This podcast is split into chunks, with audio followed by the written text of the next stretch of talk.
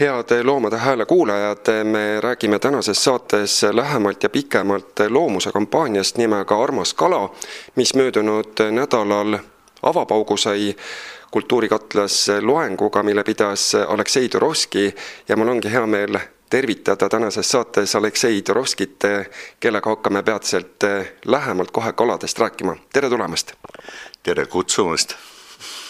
Aleksei, kui me vaatame kaladele üldse otsa ja peale, siis enamasti võib-olla inimesed neid nii palju ei väärtusta kui loomi, näiteks kasse, koeri, hobuseid, nõnda edasi. miks on üldse kalad olulised ja väärivad tähelepanu? esiteks, kolmandaks, kuuendaks ja viimaseks, kalad on loomad me kõik oleme loomad, tähendab, kui keegi arvab isiklikult, et tema ja vot ei kuulu loomariiki, vaid äh, on hoopis näiteks puravik või sõnajalg, ma ei hakka ju vaidlema, selge see. kuid zooloogina muidugi ma pean kinnitama ja selleks on absoluutselt kõik alused, et äh, nii inimene kui ka ogelik, nii flamingo kui ka krokodill nii ripsloom kui ka vihmauss, me kõik oleme loomad. ja sellega meil kõigil on õigus elule. aga mida see tähendab? millisele elule on näiteks vihmaussil õigus? no loomulikult tervele ja bioloogiliselt normatiivsele elule, et ta saaks kenasti sooritada oma tähtsaid tegevusi looduses, oleks heas vormis ja et tal oleksid lapsed ja mis on kõige tähtsam, et tema lastel oleksid lapsed. zooloogias me mõõdame edukust. vot ellujäämise seisukohalt näiteks, eks ole, liigi seisukohalt, populatsiooni seisukohalt, ka isendi seisukohalt ja edukust me määrame, määrame F2 ehk siis lastelaste generatsiooni noh, omaduste arvulist näitajate ja loomulikult ka noh, elukvaliteedi poolt. ja muidugi see kõik kehtib ka kalade puhul, selge see, ja väga-väga suurel ja tähtsal määral. see on tegelikult päris hämmastav, kui tähtsad biosfääris eluga täidetud meie planeedi osas, kui tähtsad on kalad kui nüüd mõtlemegi selle peale, kui olulised üldse kalad äh, ökosüsteemis on, et äh, meie planeeti katab seitsmekümne protsendi ulatuses äh, ookean, seal elab tohutult palju liike, keda igal aastal tegelikult leitakse üha juurde ja juurde, ookeani põhigi on kaardistamata, rääkimata sellest, et oleks päris täpselt teada, mis seal üldse toimub, aga milline on kalade olulisus ökosüsteemis? võib vastata väga, väga lühidalt, keskne tsentraalne ookeanis, aga loomulikult ka mageveekogudes. ja neid ei ole maailmas vähe, jumal tänatud. vaadake, meid on seitse ja pool miljardit ja üldiselt me kõik ikkagi oleme elus, eks ole ju. ja vähesed kannatavad janu tõttu, eks ole. nii et magevett on meil mitte vähe kuid loomulikult ookean on ookean, tõesti üle, üle kahte kolmandikku planeedi pindalad on kaetud ookeaniga ja keskmine sügavus on no just nimelt kui keskmisest ookeani, maailma ookeani sügavusest me räägime, siis on kaks kilomeetrit garanteeritud. paljudes kohtades on üle kolme ja poole ja see ka antud ookeani osa kohta keskmine, eks ole. nii et vett on tõesti väga palju ja vähemalt mere ökosüsteemis tavaliselt, kui me räägime ookeanis ja merest, me ei kasuta mõiste, sõna siis vastavalt, ökosüsteem mitmuses. sest kõik maailma mered on teineteisega seotud. ja vesi on teatavasti noh, väga omapärane, liikuv keskkond, mille sees näiteks heli liigub kolm korda suurema kiirusega kui õhus. Umbes kolm tuhat kuussada kilomeetrit tunnis. nii et kuidas mereloomad ja äh, ka taimed teineteisega seotud on, äh, see on väga omapärane võrreldes meiega maismaaloomadega ja meie ökosüsteemiga, süsteemidega tõesti, kuhu me kõik kuulume, noh näiteks maismaal selline korralik kevadine lomb, kus vee sügavus on no vähemalt üle kahekümne, kahekümne viie sentimeetri, mis püsib mitu nädalat, see on ökosüsteem no omaette ökosüsteem, seal toimub paljunemine ja seal elavad kiskjad, seal elavad loomulikult ka ähm, no konsumendid, no näiteks bakterid, eks ole. ja see ökosüsteem elab nii, et selles näiteks ähm, väiksed kalad kes suurepäraselt suudavad ajutistest veekogudest, temporaarsetest veekogudest, eks ole, sooritada kogu oma elutsükli. no ja siis on kuskil mudas järgmise aastani, eks ole, järgmise kevadeni. vot see on omaette ökosüsteem. meri on aga noh, kõike hõlmav ökosüsteem, sealt nii-öelda äh, elupaik ja mm, ookeanis, meres äh, on äh, autotroofe mitte vähe Eh, enamasti nad on ainuraksed vetikad, aga loomulikult seal on ka makrofüüdid, suured vetikad, no näiteks Vaikse ookeani hiidpaeladru laminaaria, ehm, kelle talloomid, kuna ta on elus, siis ma ütlen tema kohta kelle. Kelle talloomid võivad olla kahesaja viiekümne meetri pikkuste väetidega, nii et eh, sellise äh, hulgrakse äh, Äh, makrofüütse vetika tehnik vaigistab ükskõik millist tormi väikses lahes ja merisaarmad, kalaanid kasutavad seda, kasvatavad seal lapsi. torm möllab, aga väikses laminaariaga täiskasvanud äh, lahes kalaanid ja lapsed magavad ujudes sellili, seni kuni emmed korjavad austreid ja merisiilikuid ja krabisid merepõhjas. kuid kes seal ka ei elaks?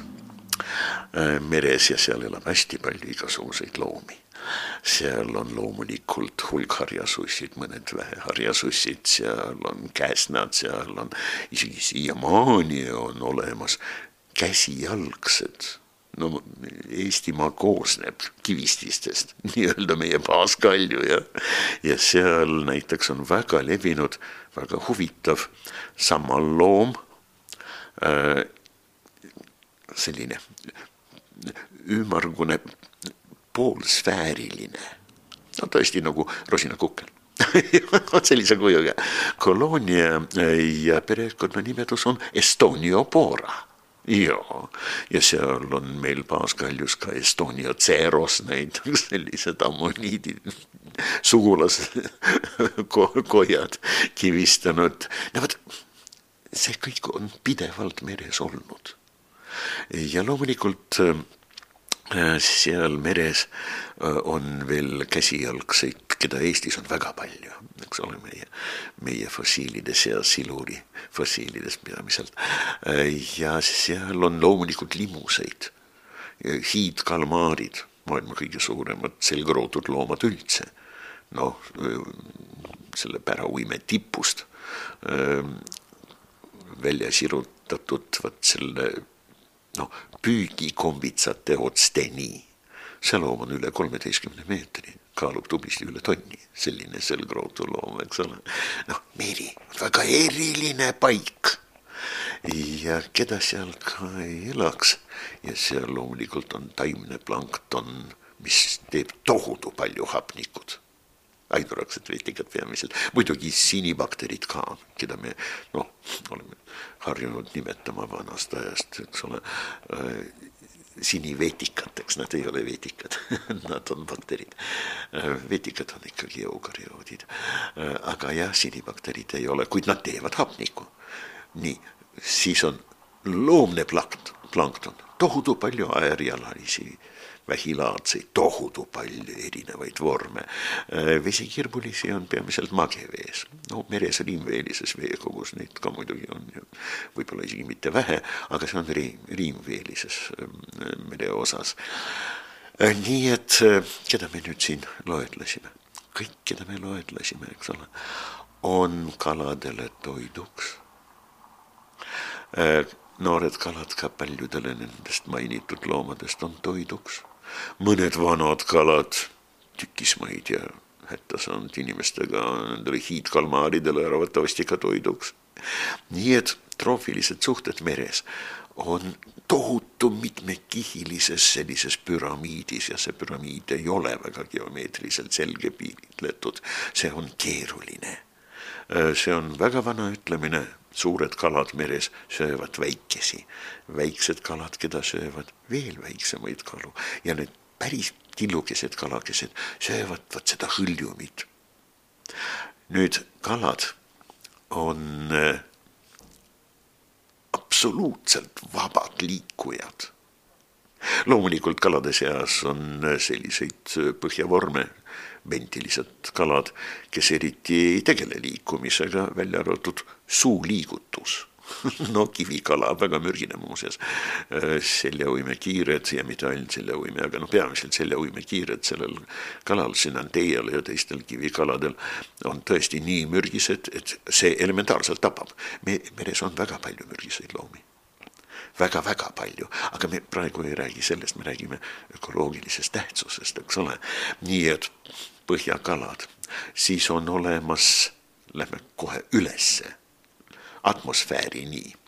Neistoni kalad ja neiston on ökoloogiline mõiste, äh, mis äh, hõlmab äh, kõiki neid elunähtusi, mis toimuvad vee ja õhu piiril.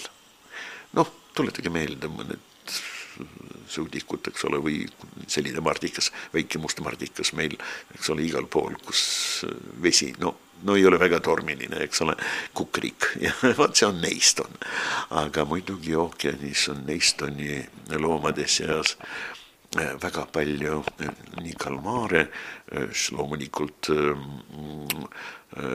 sifonofoore, meduuse ja kalu, kalu, kalu, kalu. Nüüd keskvees aga on tohutu palju erinevaid kalaliike. noh, tuletame meelde kas või äh, väga glamuurset liiki, hiidbarrakuuda. muuseas on ka see väiksem barrakuuda liik olemas. et ta on tõesti noh, havi moodi kala, selline torpeedokujuline, aga vägagi erinev haugist. haug on valitseja, suurkiskja. Barracuda on keskvees ja tema jaoks kõik, mis vees ujub, on nii-öelda noh, traditsiooniline saak ja äh, kalad siis äh, paljunedes ülivõimsalt äh, loomulikult moodustavad nii biomassi, moodustasid, andke andeks. Vot nüüd mul hakkab nukker meel nii-öelda pead tõstma ma olen kuulnud kompetentset arvamust, et veel mõne aasta pärast, kui nii läheb edasi plastikreostusega, eks ole, siis plastikut on ookeanis rohkem kui kalu. see on iseenesest juba katastroofiline olukord. aga no praegu me ei räägi sellest, te küsisite kalade kohta, eks ole, ja ma palun vabandust, et ma läksin nii pikale, lihtsalt see on tõesti, see on vaimustav, kuivõrd ähm, läbiv on kalade maailm ja kuivõrd äh, absoluutselt ubikvistne, universaalne kõikjal meredest, eks ole, on nende äh, kohalolek. ja neid äh, kümneid tuhandeid liike, kõik nad on omapärased, iga liik on omapärane, igal liigil on oma äh, kindel ähm, paljunemisbioloogia, oma ökoloogilised äh, eelistused.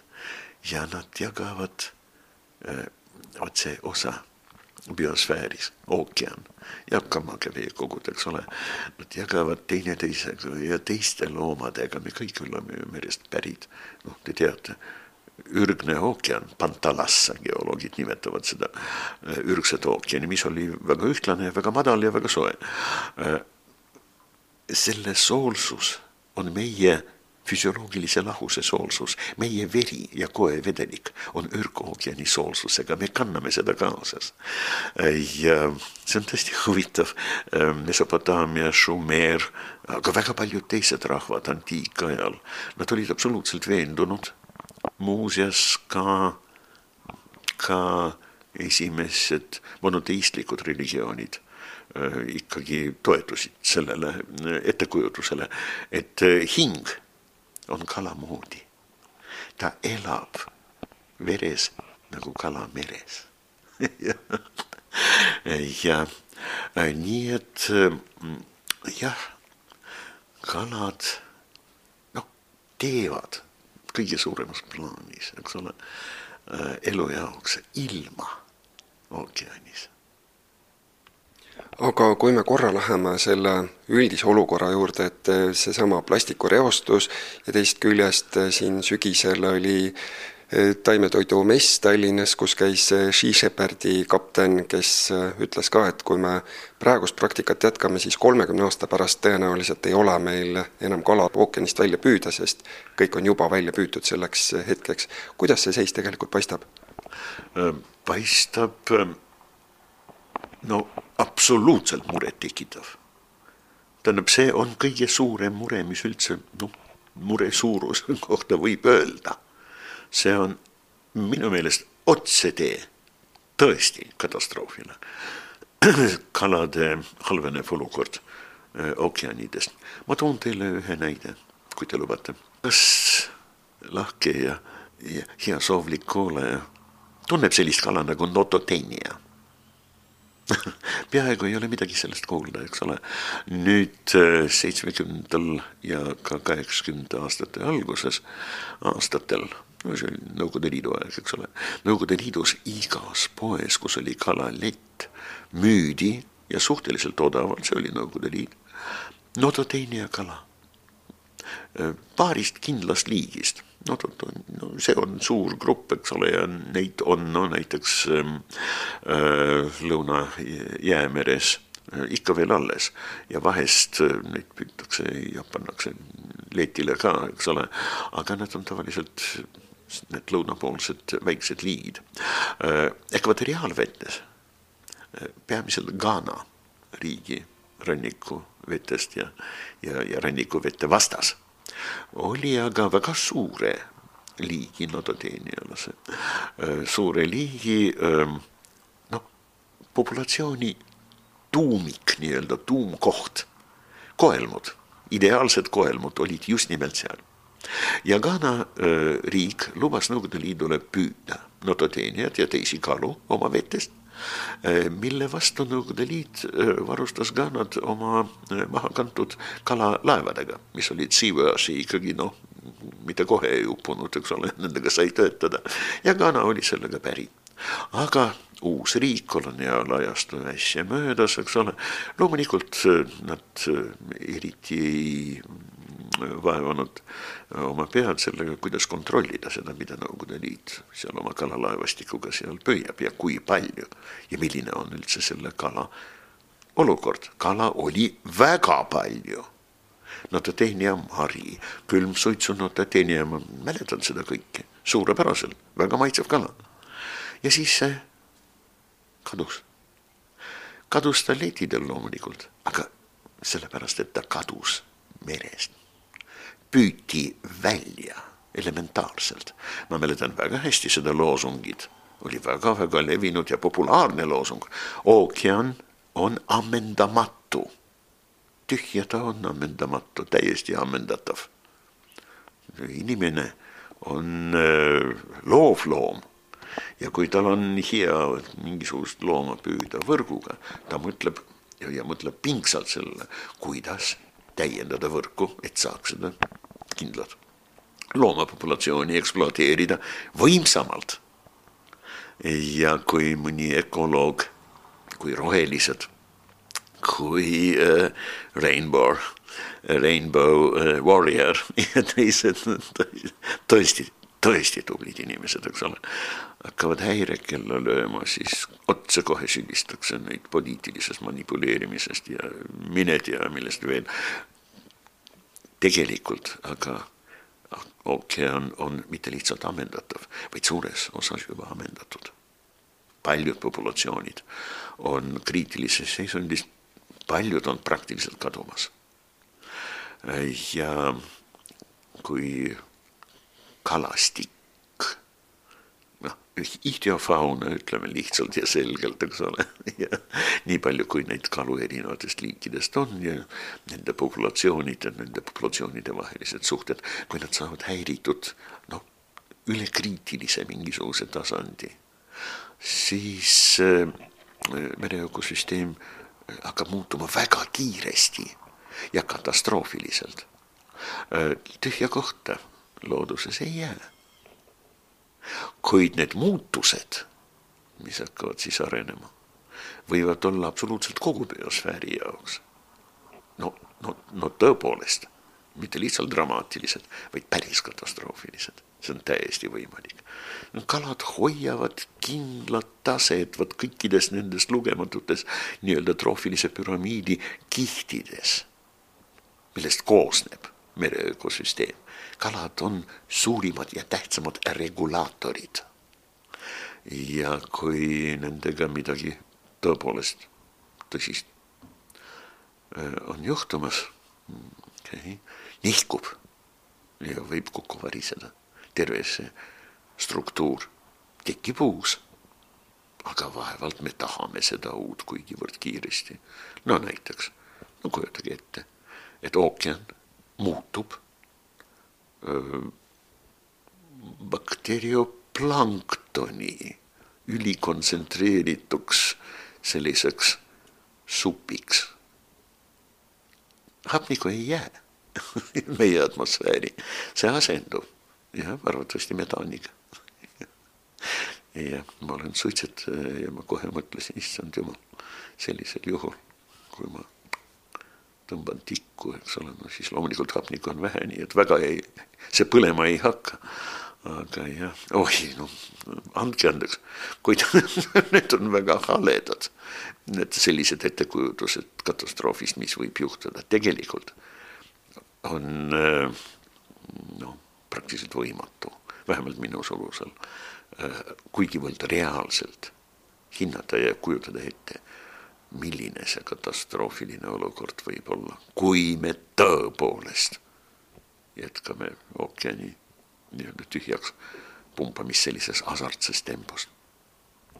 kuidas see pilt praegu paistab, kas on lootust, et äh, inimkond võtab natukene tagasi selles valdkonnas või pigem mitte, et äh, sellistes ütleme, kolmanda maailma riikides ja, ja arengumaades käib selline üsna hooletu loodusega ringi käimine siiamaani edasi ja ega tegelikult ju pole ka arenenud riigid selles osas väga palju paremad, kui me mõtleme Jaapani peale, kes vaalu jätkuvalt kütib. jah, no vaadake, sinna on juba aastakümneid, kui rahvusvaheline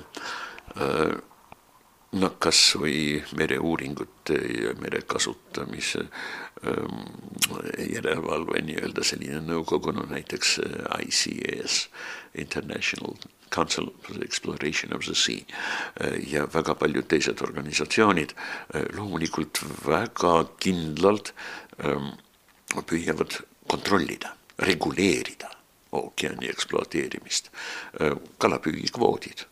No me teame seda näiteks sisevetest see no vähemalt seadusandlus kehtib ja inspektorid, no nii palju, kui nad jõuavad, nad ikka kontrollivad seda. okay,, salapüüdjaid, olgu need kalade püüdjad või vähkide püüdjaid, eks ole, no ikkagi no on võimalik kuidagimoodi kontrolli all hoida. see muidugi ei ole eriti efektiivne. ja aga kõik need regulatsioonid on seaduse jõuga. nii on ka kalapüügikvoodid, ka merevetikate püügikvoodid, ka krevetide, eks ole, ja teiste vähilaadsete püügikvoodid. kõik need regulatsioonid on seaduse jõuga. no näiteks, kui kalalaeval Ameerika Ühendriikide vetes, rannikuvetes, inspektor leiab Homarus äh, americanus, see suur see tõesti väga suur, võimas selline nagu, nagu merepõhja tank või, või raudröösrüütel, eks ole. vot selle lobsteri, selle omari, kas või koorikutüki laev saab sellise trahvi, et kui see on mingisugune väike firmakene, eks ole, see on kindlalt pankrotis, kohe ja loomulikult natukene see kõik mõjub, no mingil määral see kõik mõjub. Teie mainisite aga kolmandat maailmat, jah, kolmanda maailmaga on loomulikult ja kalapüügiga, eks ole, ja vaalapüügiga on väga suur probleem. inimesed on tõesti vaesed. no näiteks Adeni lahes väga paljudel seal tegutsevatel piraatidel ainus peresissetulek oli piraatlus, eks ole ja äh, mis me siis räägime kalapüügist, jah. Ähm, siiski ma loodan, no ma olen optimist ja loodan, et see ei ole äh, lootusetu kuidagimoodi reguleerida ka kolmanda maailma aktiivsus ookeani nii-öelda tühjaks pumbamise teekonnal.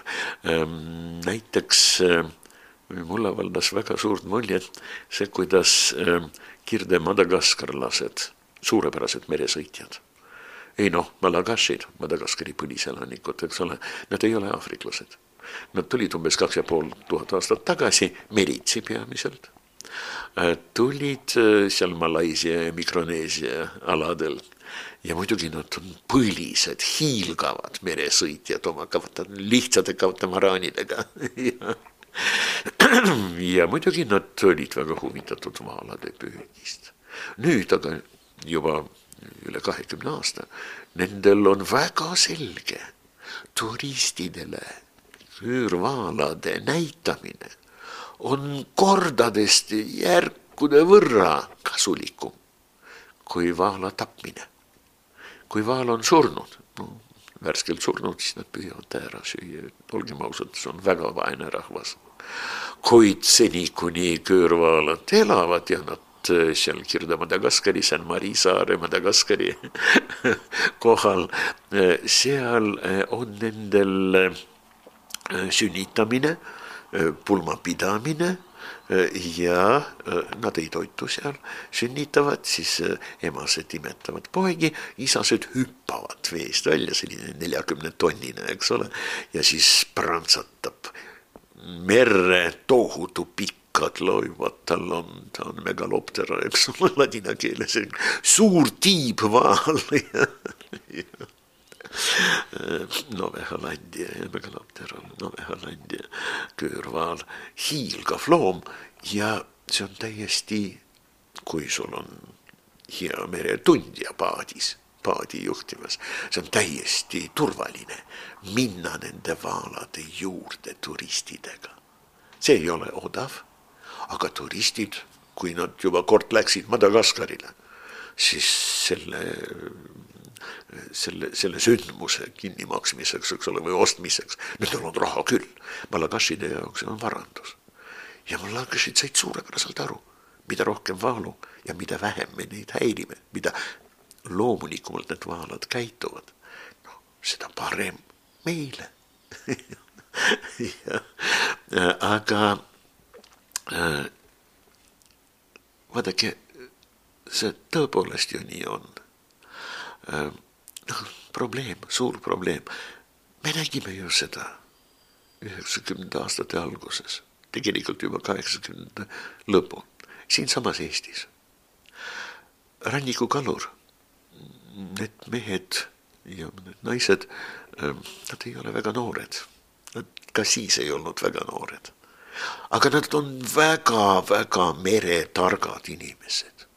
No ei ole võimalik et põline rannikukalur ei saa aru, kui tähtis on mitte välja püüda alamõõdulisi kohakesi või ükskõik mis teisi kalu. ta on kalur, ta saab aru suurepäraselt. aga võta näpust. käib siin mööda rannikut tohutu suur refrigeraatorauto, selline superkast ja ostab kokku korraliku hinna eest absoluutselt kõik, ükskõik mis mõõdus, ahvenalised. meil on kolmes liigis neid, koha, ahvenas ja kiisk. kelle kiiska on vaja, noh, iga kalamees teab, kiisast on kõige parem uha, aga ainult uha. kuid vaadake Saksamaal näiteks ja loomulikult mitte ainult Saksamaal, eh, on sellised kalatööstustehased, mis teevad igast kiisast ja ka kolme sentimeetrisest ahvenast momentaalselt puhast hinnalist fileed. Nii et need autod need refrigeraatorid, nad ostsid kokku absoluutselt kõiki ahvenalisi. ja rannikukalur, kes suurepäraselt saab aru, et seda ei tohi teha, müüs neile. võib-olla mitte igaüks, ma ei oska öelda, aga ma tean, et neid müüdi väga palju. kaheksakümnendate lõpul äh, Eesti Mereinstituut noh, see oli Läänemere Kalamajandusuurimise Instituudi Tallinna osakond, kus ma töötasin kokku kakskümmend neli või kuus aastat, ma ei mäleta täpselt. Aga igal juhul äh, doktor Vaike Ermi programmi raames me märgistasime väiksed kohad, tillukesed pliiatsid, lasime neid kindla plastikmärgisega, eks ole, küljes merre. Ja kahe-kolme kuu pärast meile saadeti needsamad märgised väikese koha märgised, näiteks Hollandi restoranist. korralikud inimesed said kala, portsioon see koha tegemiseks, eks ole, võeti tal küljest seesama väike märgis, seal oli aadress, saadeti kenasti jah, meile kätte. kes püüdis neid väikseid kohakesi, ikka seesama rannikukalur. jah, kõik on selge, aga võta näpust naaber Ants näiteks müüb, eks ole, püüab ja müüb. ja tal on mitte kaks, vaid kaksteist, eks ole, võrku või narla lahes. noh, me oleme neid tõstnud mm, väikestes lahtedes, näiteks Saaremaa lõunaranniku pidi, seal on väiksed lahed. noh, tegelikult see on äh, kagu, kagurannik algab niiviisi Saaremaal, eks ole, väiksed lahed.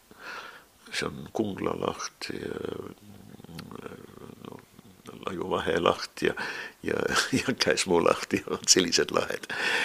ja loomulikult seal liigub kala ja päris palju. noh, neliteist, viisteist, kuusteist mõrda. ühe ainsa mehe omad. kala täis ja on kohe selge, et vähemalt kolm nädalat tõstmata. ja kala loomulikult mädaneb seal, ta ei jõua ei jõua kogu püütud kala, eks ole, realiseerida. aga pagana vana sõber, naaber Ants, eks ole. tal noh, ammu endal on korralik Opel, aga vaata, ta ostis naisele Mersu. vastuvõetamatu. see on tõepoolest, noh, seda nimetatakse täiesti konkreetse nimetusega, kognitiivne dissonants. saad aru, aga ikka tegutsed kui mõtleme pisut eesti keele peale, siis eesti keeles on levinud selline väljend tumm nagu kala. tegelikult kalad siiski suhtlevad omavahel, kuidasmoodi? oh ja õige mitmed moodi loomulikult. kaladel on väga huvitav, väga omapärane ja väga hästi arenenud ehm, meelte selline süsteem. loomulikult küljejoon, küljejoon, mitte päris kõikidel kaladel ei ole see ja mõnel kalal see ei ole päris välja kujunenud. Lõpuni, no näiteks minu lemmik meritind. Suurepärane suurepärane kala, siia sugulane, eks ole, vot tal on see linea lateralis incompleta, mitte päris saba uimeni, jah, aga see on tõepoolest küljejoon ja see koosneb kümnetest tuhandetest väikestest meeleorganitest. sellega ta määrab eelkõige ja momentaalselt veevõnkumiste pilti ähm, need organid, imetillukesed, aga neid on tõesti väga palju selle joone sees, äh, on nagu väikesed sellised süvikud kalakehas mis on täidetud sült ja sellise ollusega, aga seal noh, poole sügavusel nii-öelda on kaetud membraaniga, väga tundliku membraaniga. nüüd ülemine osa sellest süvikust avaneb kala keha pinnale ja selle kaudu, kaudu äh, võnked, veevõnked pääsevad sinna sisse, panevad membraani võnkuma erinevate nurkade all. Sõltuvalt sellest, kas see vibratsioon, mida tekitab näiteks suur kiskjakala sinu saba taga on või mingisugune tore kala või väga jube kala sinust paremal või rohkem nagu eespool. võnked levivad loomulikult vees igale poole, kuid äh, kala keha peale nad langevad kindla nurga all, sõltuvalt sellest, kus asub võnkete allikas ja kala tajub seda suurepäraselt. Noh, hüljes tajub ka võnkeid ja väga hästi tajub võnkeid oma vurrudega ja keha peal tal on ka väga palju tundlikke karvakesi, loomulikult.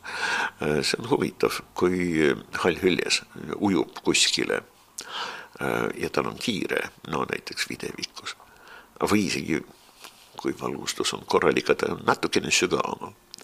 siis ta paneb silmad kinni ja orienteerub vaatama vurrude supertundlikkuse abil. ja äh, loomulikult küljejoone äh, sees on ka teisi organeid, aga me räägime kommunikatsioonist.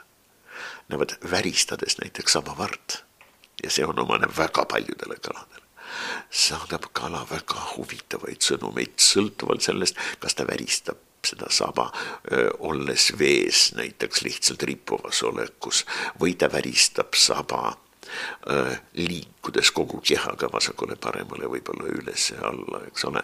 no näiteks ogaliku pulmatants, eks ole, ta spiraalselt ujub ülespoole ja siis jällegi sooritab sellist nagu no nagu kruvilaadset ujumist allapoole ja sealjuures väristab sabavard Need on väga kindlad sellised amuursed sõnumid. ja loomulikult need sõnumid, mis on tõesti glamuursed, amuursed armastuse avaldused, on teistele kaladele, no näiteks teistele isastele, aga noh, emaste puhul teistele emastele, miks mitte, see on ka täiesti reaalne olukord, eks ole. hoiatused, et mina kurameerin siin, teie kaduge ära. Või vastupidi, ei poisid, tulge kõik siia, hakkame kurameerima koos. Ja siis need emased võib-olla satuvad. Vaimustusse, on lummatud ja siis no igalühel meist on rohkem võimalusi.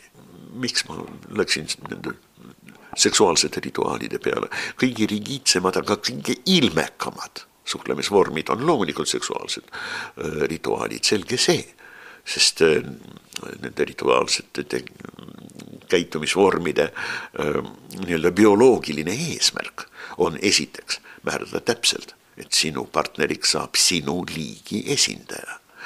Värvus, suurus, aga eelkõige siiski liikumise, liikumise vormid ja omapära. teine väga tähtis eesmärk seksuaalsel käitumisel luua emastele võimaluse ja emased peavad seda tegema. Nad peavad valima ja muuseas ei tohi eksida et nad saaksid valida kõige parema genotüübiga seksuaalsed partnerid, isad oma laste jaoks. Äh, muidugi, see on väga ilmekas ja see on väga tähtis kommunikatsioonivorm, jah, nii et Aafrika suurtes järvedes elavad, neid on mitusada liiki äh, kirevahvenlased, kirevahvenlased ehk tsihliidid. seal on ka teokarbitsihliidid mõnel sellisel liigil on kolmes eri suuruses isaseid emased kõik on suhteliselt väikesed, sellised trimmid tüdrukud, jah. nüüd isased, kõige suuremad isased, võimsad öö, oma territooriumi ja oma haaremi valdajad ja kaitsjad. Nendel on jõudu Nendel on jõudu selleks ka röövkalad tõsiselt tõrjuda ja keegi ei taha nendega tegemist teha, nad on niivõrd ägedad, agressiivsed, sealjuures ka kiired. Ja kui nendel on kedagist rünnata, nendel väga suurtel kaladel, väga suurtel isastel, siis nad ähm, keeravad oma lõuad ja huuled nii maksimaalselt väljapoole. nii et hambad on suunatud otse ette, hambaid on palju ja siis tohutu kiirusega löövad vot sellise ja hambulise musiga kiskjale kas või, kas või soomuste vastu, nii et need soomused kiskjast lendavad seal saluudina igale poole. okei okay., sellised isased otsivad ja toovad ühte valitud kohta äh, suured tühjad teokojad ja meelitavad siis emaseid. tulge, meil on ehitatud, mul on ehitatud, näete, hiilgav, eks ole, palee, serai, haaremi jaoks tüdrukud tulevad, vaatavad priima, priima koda, eks ole, priima tuba, lähevad sinna elama. nüüd äh, isane loomulikult on kõikide marjaterade viljastaja, see kõik on väga tore, väga kena, aga sel liigil on ka keskmise suuruses isaseid. Ükski selline isane, vot selle hiiglase palee ehitaja vastu loomulikult ei saa, ei ürita ka. aga need väiksemad isased löövad sellist pätikampa ja sellist löögirühma, kes ründab kohe. no neid võib olla seal kakskümmend, kolmkümmend. Nad ründavad kohe seda koljatit. mõnekümne sekundiga ta paiskab tervet seda rühma laiali, annab nendele peksa, mõni võib-olla saab surma ka. kuid mõnel sellest keskmises suuruses isaste grupist õnnestub noh, esitada ennast mõnele emasele seal haaremi toas, eks ole, ja viljastada mõnda marja. aga see ei ole veel kõik. Äh, nendel liikidel, kalaliikidel on ka kääbusisased, kes on lausa tillukesed, aga väga isased sealjuures.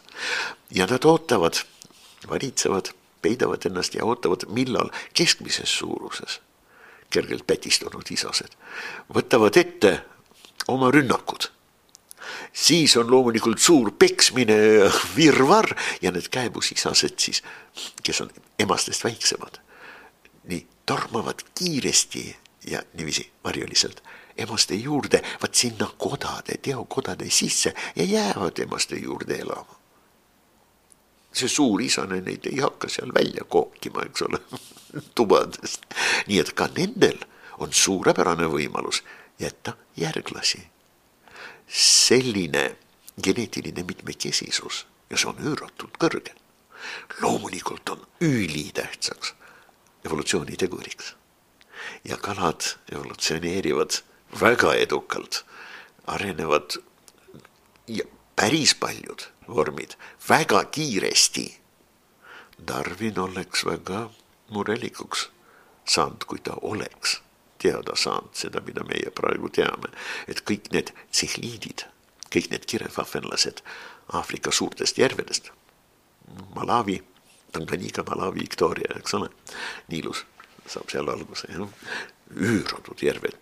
Nad on eri vanusega, need järved, kuid need sadadest liikidest kirevahvenlased arenesid ühest ainsast antsestraalsest vormist esivanema vormist, eks ole, kalavormist, kalaliigist, vähem kui viis tuhat aastat.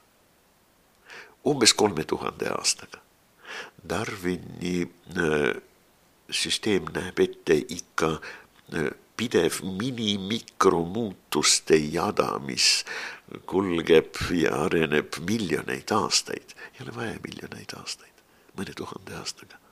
kuidas maismaaloomadega on, noh võib-olla me leiame maismaal ka selliseid, see on teine, teine lugu.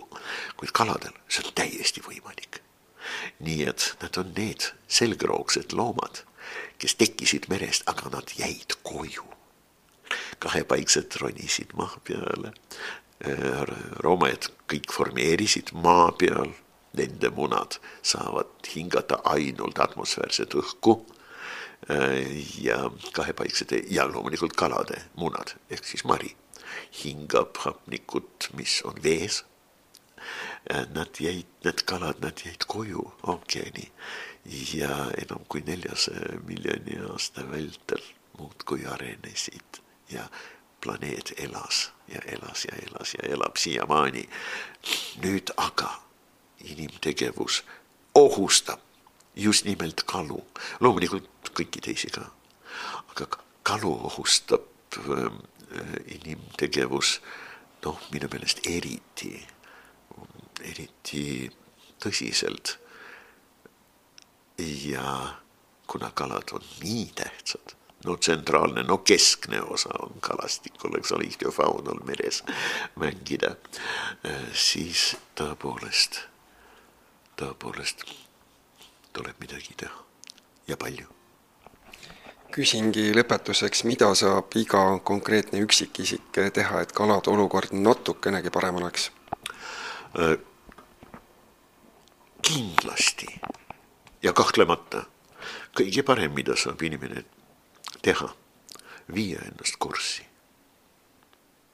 uurida, äh, kuidas on ookeaniga lood, konkreetselt milliste kalade olukord äh, on noh, tõepoolest raske. Ja siis kas või boikoteerida no näiteks äh, mõõkala. no mitte tarbida. Äh, kuidas tuunaga lood on? väga paljud tuunaliigid, neid ei ole väga palju, aga olemasolevatest, eks ole, noh, neid on kuskil tosina ringis need töönduslikud, eks ole, suuremad. Äh, nad on ka ohustatud, võib-olla mitte veel noh piiripealselt kriitiliselt, aga väga tõsiselt. võikala, see on koondnimetus, noh, vähemalt neli liiki, eks ole, võikala on väga tõsiselt ohustatud. tõsiselt ohustatud on ka paltus, halibud. Ja selline ja äh, neid on väga palju, aga no mõõkala, see on lihtsalt katastroof. Kuivõrd ohustatud on see kala, eks ole. ja kas või boikot-, boikoteerida. Ja siis uurida, mida siis noh, konkreetselt ähm, organisatsioonid äh,, riiklikud või isetegevuslikud nii-öelda ise hakanud, aga registreeritud organisatsioonid äh,, mida legaalsed äh,. Nad teevad selleks, et äh, siiski vähendada plastikukoormust ookeanis, võimendada plastiku korjamist ookeanist. selleks on vaja ka uurimistööd teha ja see kõik vajab raha. võib-olla siis iga inimene saab natukenegi annetada. meid on seitse ja pool miljardit. igaüks annab penni me saame, me saame tohutu suure fondi, et seda investeerida näiteks noh, ookeani puhastamis, puhastamise uuringutesse ja loomulikult konkreetsetesse toimingutesse. vaadake, Eesti on see maa, kus äh, sündis ja võttis hoogu liikumine teemäära, eks ole. ja, ja Eesti puhtaks. meil õnnestub mitte vähe tegelikult päris palju. teha näiteks, nüüd kohe tuleb aprillikuu, eks ole, konnade päästmiseks või vähemalt aitamiseks. Äh, meil võtab see kõik vedu. noh, teeme kasvõi nii, et jagame oma positiivset kogemust, töökogu, kogemust ja suunates seda vot just nimelt ookeani poole. ja jagame kogu maailmaga. me võime väga palju teha aitäh selle positiivse tooniga lõpetamise eest ja suur tänu intervjuu eest teile, zooloog Aleksei Torovski! aitäh teile küsimuste eest, väga tähtsad küsimused, nad on mulle väga südame ja hingelähedased. nii et nagu te nägite, ma iial ei väsi sellest rääkimas ja te andsite mulle sellise võimaluse, tänan teid veel kord.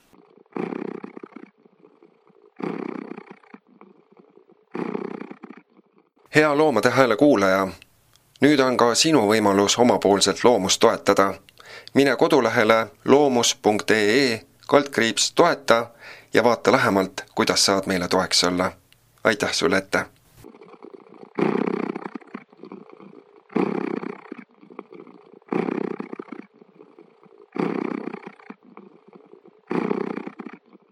head kuulajad, tänases saates rääkis zooloog Aleksei Turovski lähemalt kaladest ja kõigile huvilistele teadmiseks siis eh, Loomuse kodulehel loomus.ee kaldkriips kalad on olemas eh, eraldi kampaania lehekülg Armas kala, kus saab siis lähemalt teada kalade kohta, kalapüügist, kalakasvatusest ja välja on toodud ka retseptid, mis tegelikult ei sisalda kala.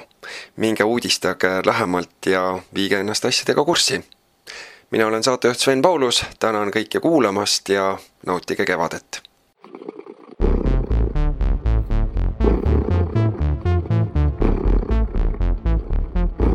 Mm-hmm.